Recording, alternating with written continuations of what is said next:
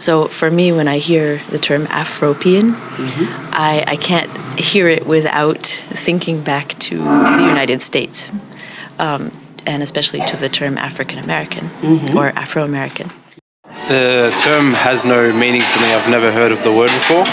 I guess Afropean is a, a mixture of European and African, whether that's uh, cultural or ethnic.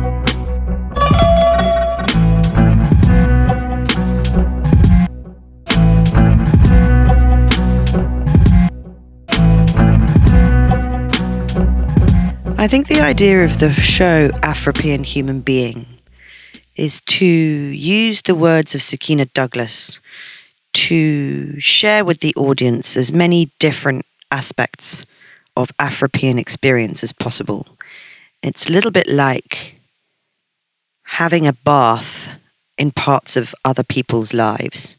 So rather than thinking about it literally, I think we're hoping the audience will come away with a sense of how all the people around us have very specific experiences, but yet there are common threads through all of them. This is the KVS en route podcast for Afropean Human Being. My name's Puni Morel. I'm the stage director for the show.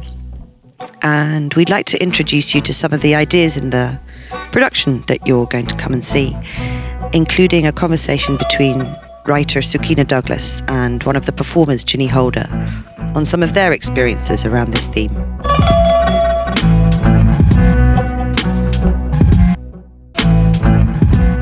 Afropean, human being. Afropean, Afropean. So when Puni told me about this show, she said, "Oh, Ginny, will you come and do this project?" And it's about Afro. It's about it's the title's Afropean, and it's about being black in Europe and what it means.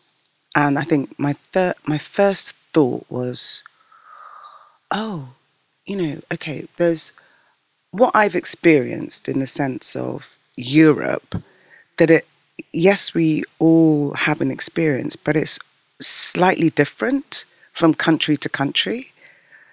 It feels like, I'm not sure whether that's true, but I know specifically from London, it's never felt the same.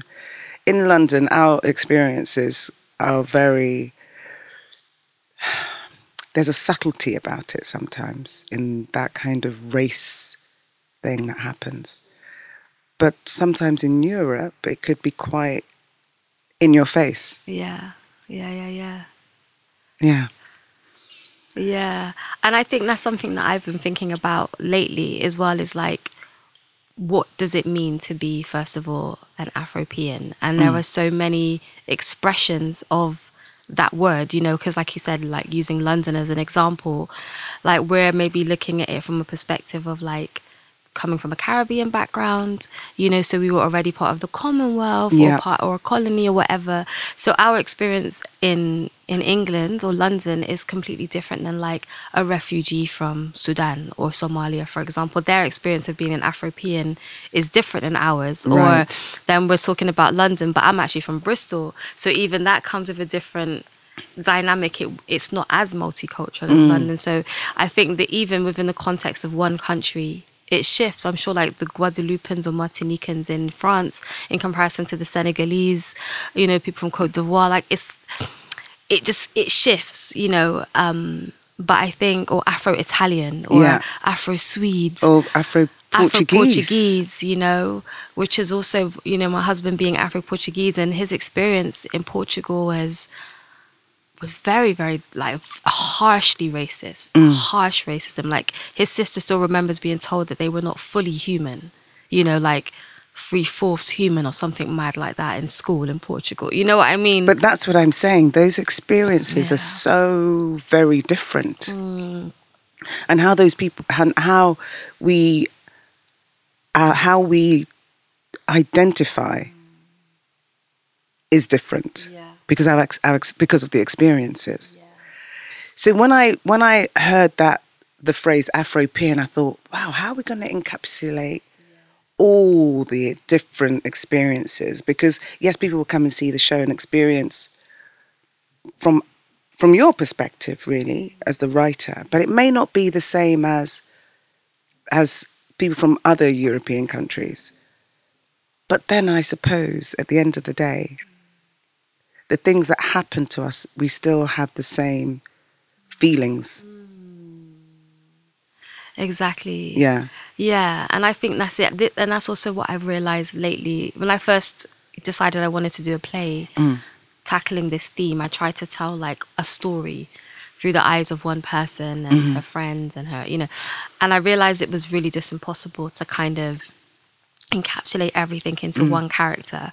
So then we decided it might be more interesting to almost have these sketches or mm-hmm. moments like flashes of almost like tasters of, of different aspects of the Afropean experience. But mm-hmm. I realize you can't contain it. It's just it shifts from day to day. You know, the Afropean who is like has never been to Africa, for example, Yes. in comparison to the Afropean who's just got back off the plane from the motherland. Like what it means to be is gonna be different and in the same body, the same person. Exactly. Yeah. It's funny because I went to, I was in Africa recently, in mm. Ghana, and I've been going quite a bit since July hmm. last year. And when I first arrived in Ghana, because, you know, my husband says to me that, you know, he asked me whether I'd been to Africa before, and I said, well, you know, I'd been to Morocco. And he said, no, no, no, darling, that's not proper Africa. I mean, have you been to Africa, Africa? Yeah. And so he feels that he's in, brought me back home to the motherland, hmm. which drives me crazy. Sometimes I want to hmm. Him when he goes on about that. Anyway, but going there, it was interesting because there was a sense of just being, I suppose, mm. but you're not conscious of it. It's not that I was consciously consciously thinking that I oh my god this is happening to me or I'm I'm mm. being I'm feeling different. It's not that. It's just mm. you are.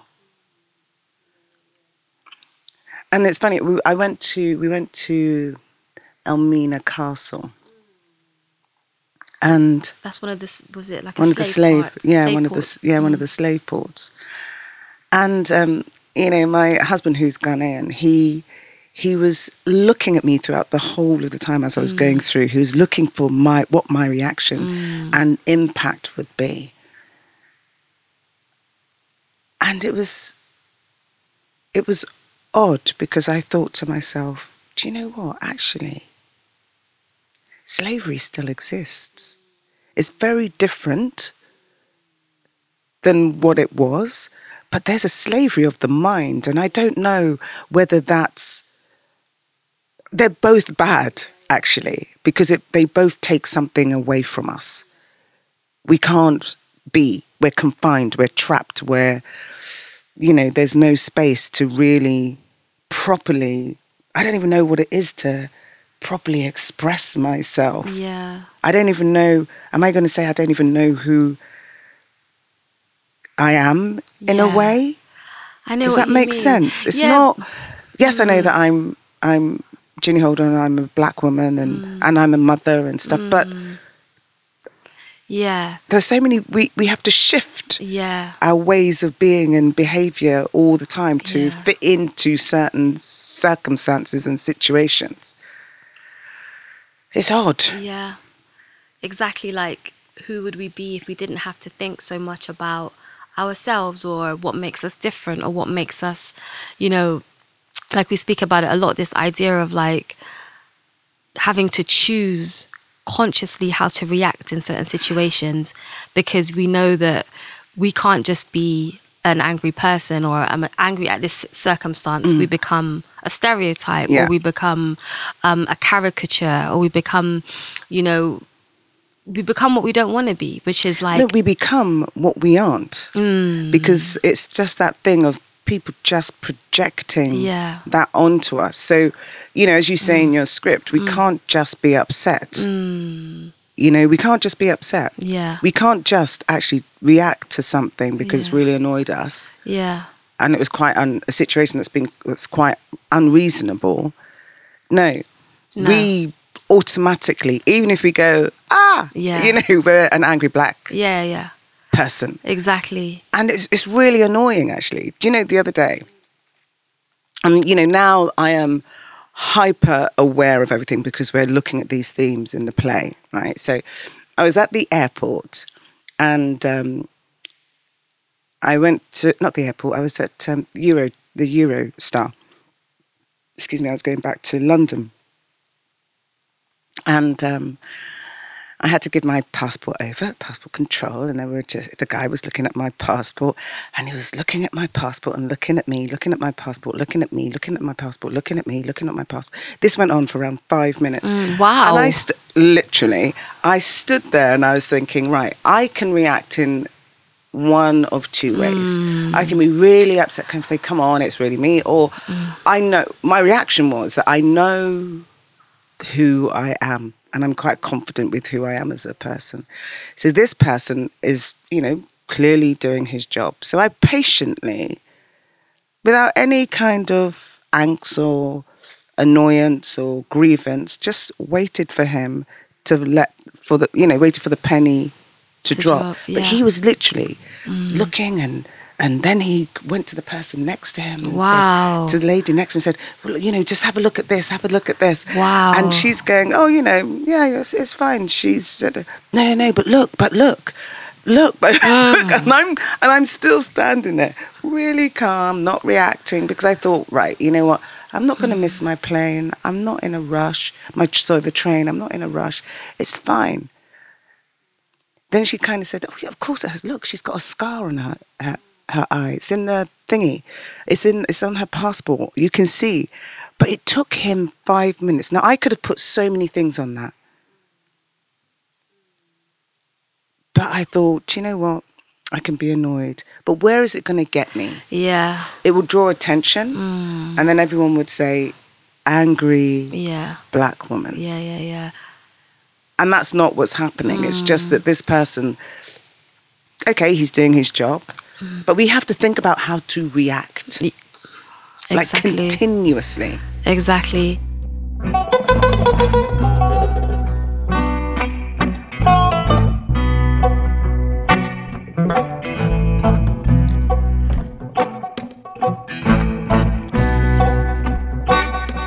So interestingly, maybe we can talk a little bit about spending time in Africa. Yeah. Um, because um, from maybe 2013, I, I go to Senegal every year.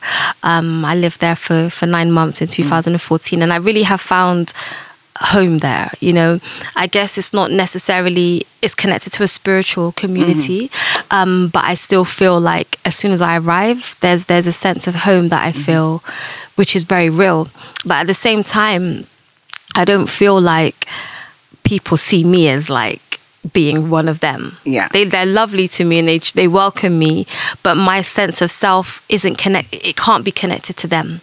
It's connected to how I feel mm-hmm. on the land, you know. And I just wonder and and so what that has subsequently led me to do is to kind of understand that I am who I am. You know mm. what I mean? Like I have a connection to Africa now, you know. I'm British, I'm Caribbean, I'm European, you know what I mean? And like trying to kind of carve out that identity in the mm-hmm. middle. I just wanted to know from your perspective, do you feel the same way or do you feel like when you're in Africa you feel African and you want to adopt that identity or is it more about weaving? It's more about weaving because it is that thing, as you were saying, that when you go, they don't really see you as African or you know Ghanaian or anything because they're happy to welcome, but you're not. Yeah. You know, Yeah. when you go when I go to Guyana, I'm I'm still not really accepted as a Guyanese woman. You know, I'm not. That's where my parents, my mother came from. When I go to Barbados, they call me Little Britain. So there's there, there is that thing that you don't really belong in any of those places. And you don't really belong in the place where you were born, like England. So it's almost, as you say, having to carve out this. I don't know. It, I, I, I can't explain it. Exactly. It's It's it's peculiar. it's really odd. It's odd because it's it's almost like I think growing up, I really wanted to find. I was I was really searching for home as a place. Mm. I do a lot. I've done a lot of workshops in Belgium around this idea of home. Actually, mm-hmm. is home a place or is it a sentiment? Is home mm-hmm. a person? Is it a feeling? Is it music? Right? What is mm-hmm. home? Because I think growing up, I was very much like I wanted to find where I fit. And I remember the first time going to Tanzania, I think I wrote a piece about it for the play, but we didn't use it. And I remember I was very young, I was like eight years old, but I think maybe I was just a bit tall for my age, so maybe they thought I was a teenager, I don't mm. know. And someone said to my brother, Oh, I want to marry your sister, you know? And my brother's like, She's eight. and then he was like, Well, she's a white woman anyway, right? And in an instant, I was dismissed, even though I didn't particularly feel African when I was there. But I was like, well, I'm in Africa and I'm black, so this must be partly home in some way. But in an, in an instant, I was dismissed because um, I was too young to marry this person. you know what I'm saying?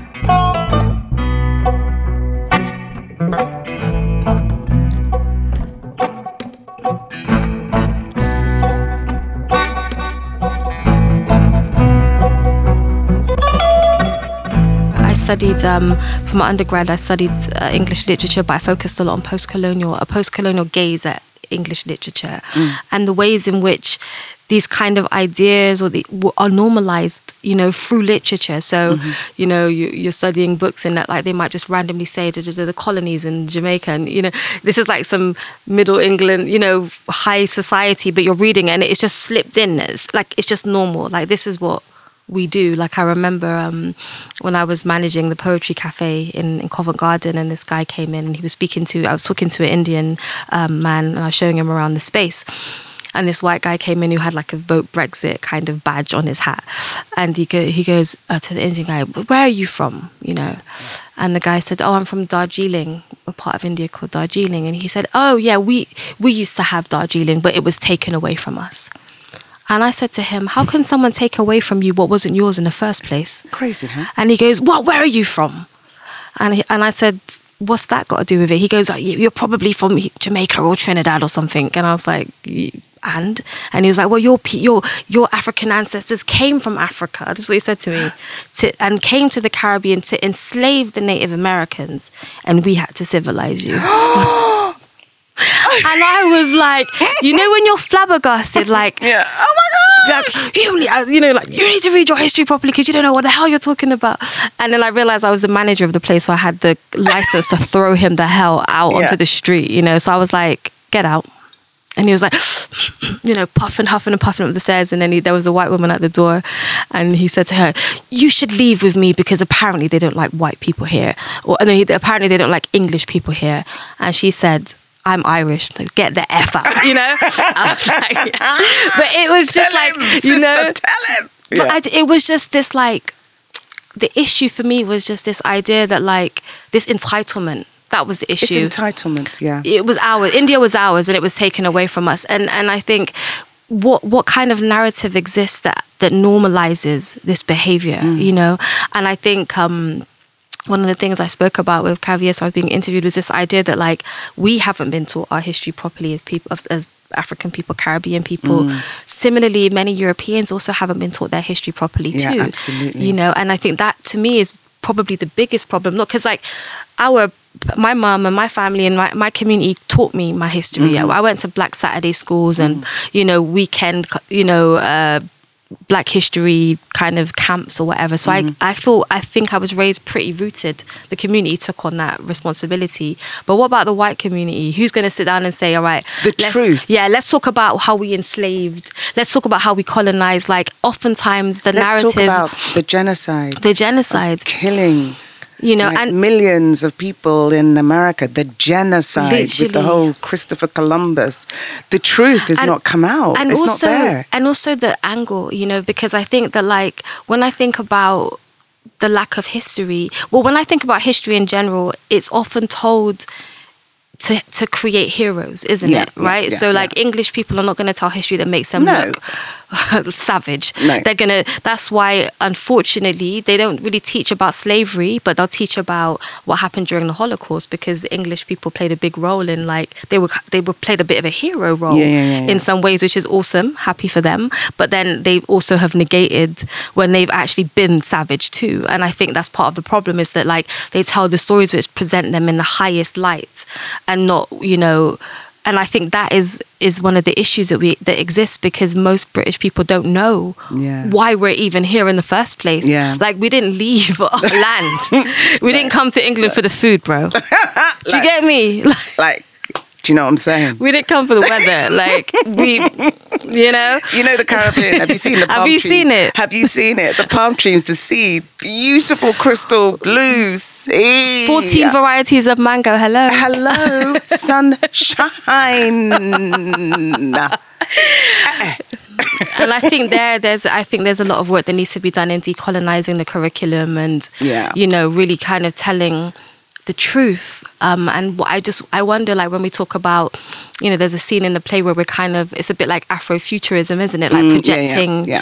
what the future could look like. And yesterday we were asked, will there really be, could that really change? And I was, sit, I, I didn't really respond because I was thinking to myself, I mean, people are um, we're human beings on a on a human level. Yeah, Yeah, We're, yeah. we're kind of making some progress, but structurally, the people who are in positions of power don't want to let go. No. And I think that like the education system could be a good place to start. You know, because there you have an opportunity to kind of really influence from a young age the way people engage with like history, truth, you know, oppression, freedom.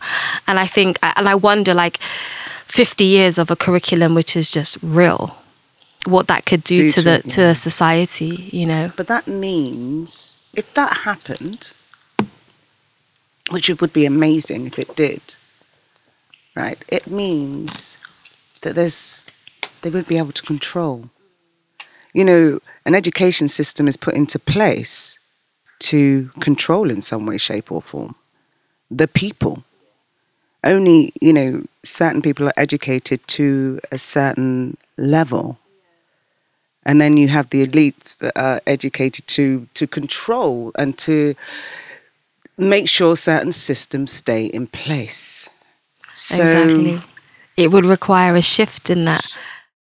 and I just think teachers have responsibility to Hmm. to literally give our children a chance. Mm. Please, mm, mm, they're human. Yeah, they're yeah, gifted and they're talented like any other child. Mm, definitely.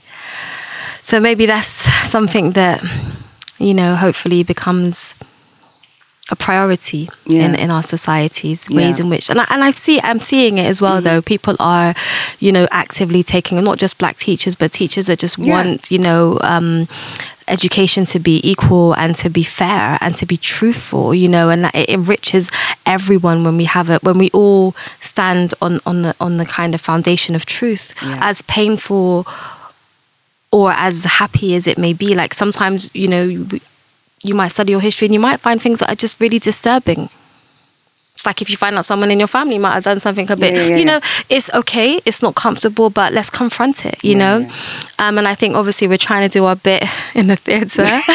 um, and, you know, ultimately, I guess our aim is not necessarily to tell the Afropean experience, but it's just to kind of almost like get a torch and just shed light on some of the moments. Um, and I guess hoping that in a way, it's not necessarily about trying to depict a reality or, or portray something, but almost to kind of share a feeling. That's kind of how I feel mm. when I'm writing it. It's particularly using poetry. It's not just about, let me tell you poetry about what happened to me as a black woman mm. walking down the street. It's more like, this is how I feel. And I mm. want some way to transfer that feeling so you can just feel for a moment mm-hmm. what it feels to be in this skin. And maybe with that feeling, you can be part of some kind of change. You know what I mean? And I think for myself. That's all I can do. You know what I mean? Just share what's in my heart and share it intimately, you know? Um, so yeah, and I think it's been a very powerful experience watching, seeing you take my words and it become part of you. Seeing Edson, seeing Eileen, you know, it really, for it almost like allows me to see that that it one one human experience opened up becomes a wider experience Mm. that we all share and we can all relate to and that in and of itself is the human being aspect isn't it because the play is Yeah. called afropean human being and we spoke about how do we depict the human being part Mm. of it but it's in that it's in that being present it's in the opening up that you know we recognize that we're not as different as we think we are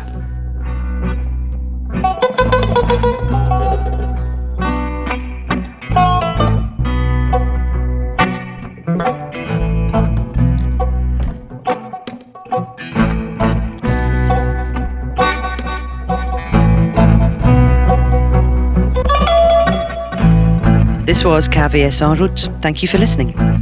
Be sure to tune in for the next episode on Fire Will Become Ashes But Not Now, a new creation by artist and director Pitcho Womba Konga, inspired by the works and vision of James Baldwin.